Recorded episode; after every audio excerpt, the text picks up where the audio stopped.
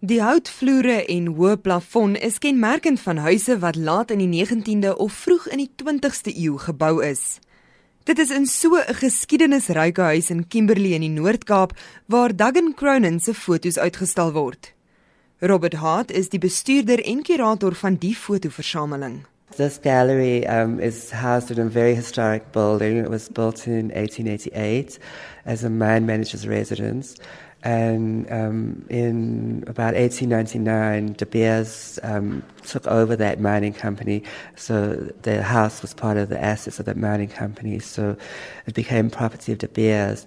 And in the mid 30s, when Doug Cronin was they needed a place for him to exhibit his photographs, and so they and this was at that stage va- va- vacant the houses, so they made it available to him as a residence. He lived in part of the house, but the bulk of the rooms were used to exhibit his photographs.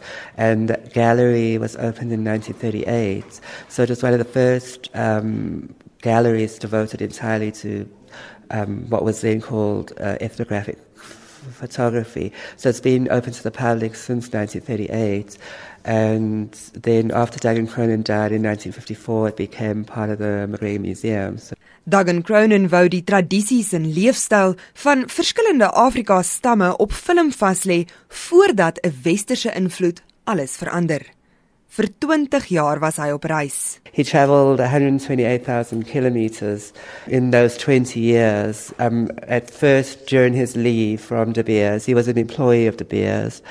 Um, so during he, he could take long leave and then he would go on these expeditions all over southern Africa, um, photographing the local people in their villages in the remote areas. Maar Duggan Cronin het iets gedoen wat min fotograwe in daardie tyd gedoen het. Hy het vir die mense wat vir hom geposeer het, 'n afskrif van die foto agtergelaat. He, he built up some relationship with the, the sitter, and then, as a form of goodwill, he often would leave little uh, contact prints with them so that they could, could you know, have these uh, prints. Um, so yeah, that was that was quite special. Maar die meer as 7000 negatiewe van sy lewenswerk was amper verlore weens die nitraatbasis. The negatives that are made of, of nit- cellulose nitrate are highly volatile. Um, so in extreme temperatures, they, they literally disintegrate. They, they start um, melting uh, together. And then if, it's, if the temperature is high enough, they can actually um, combust just, um, on their own.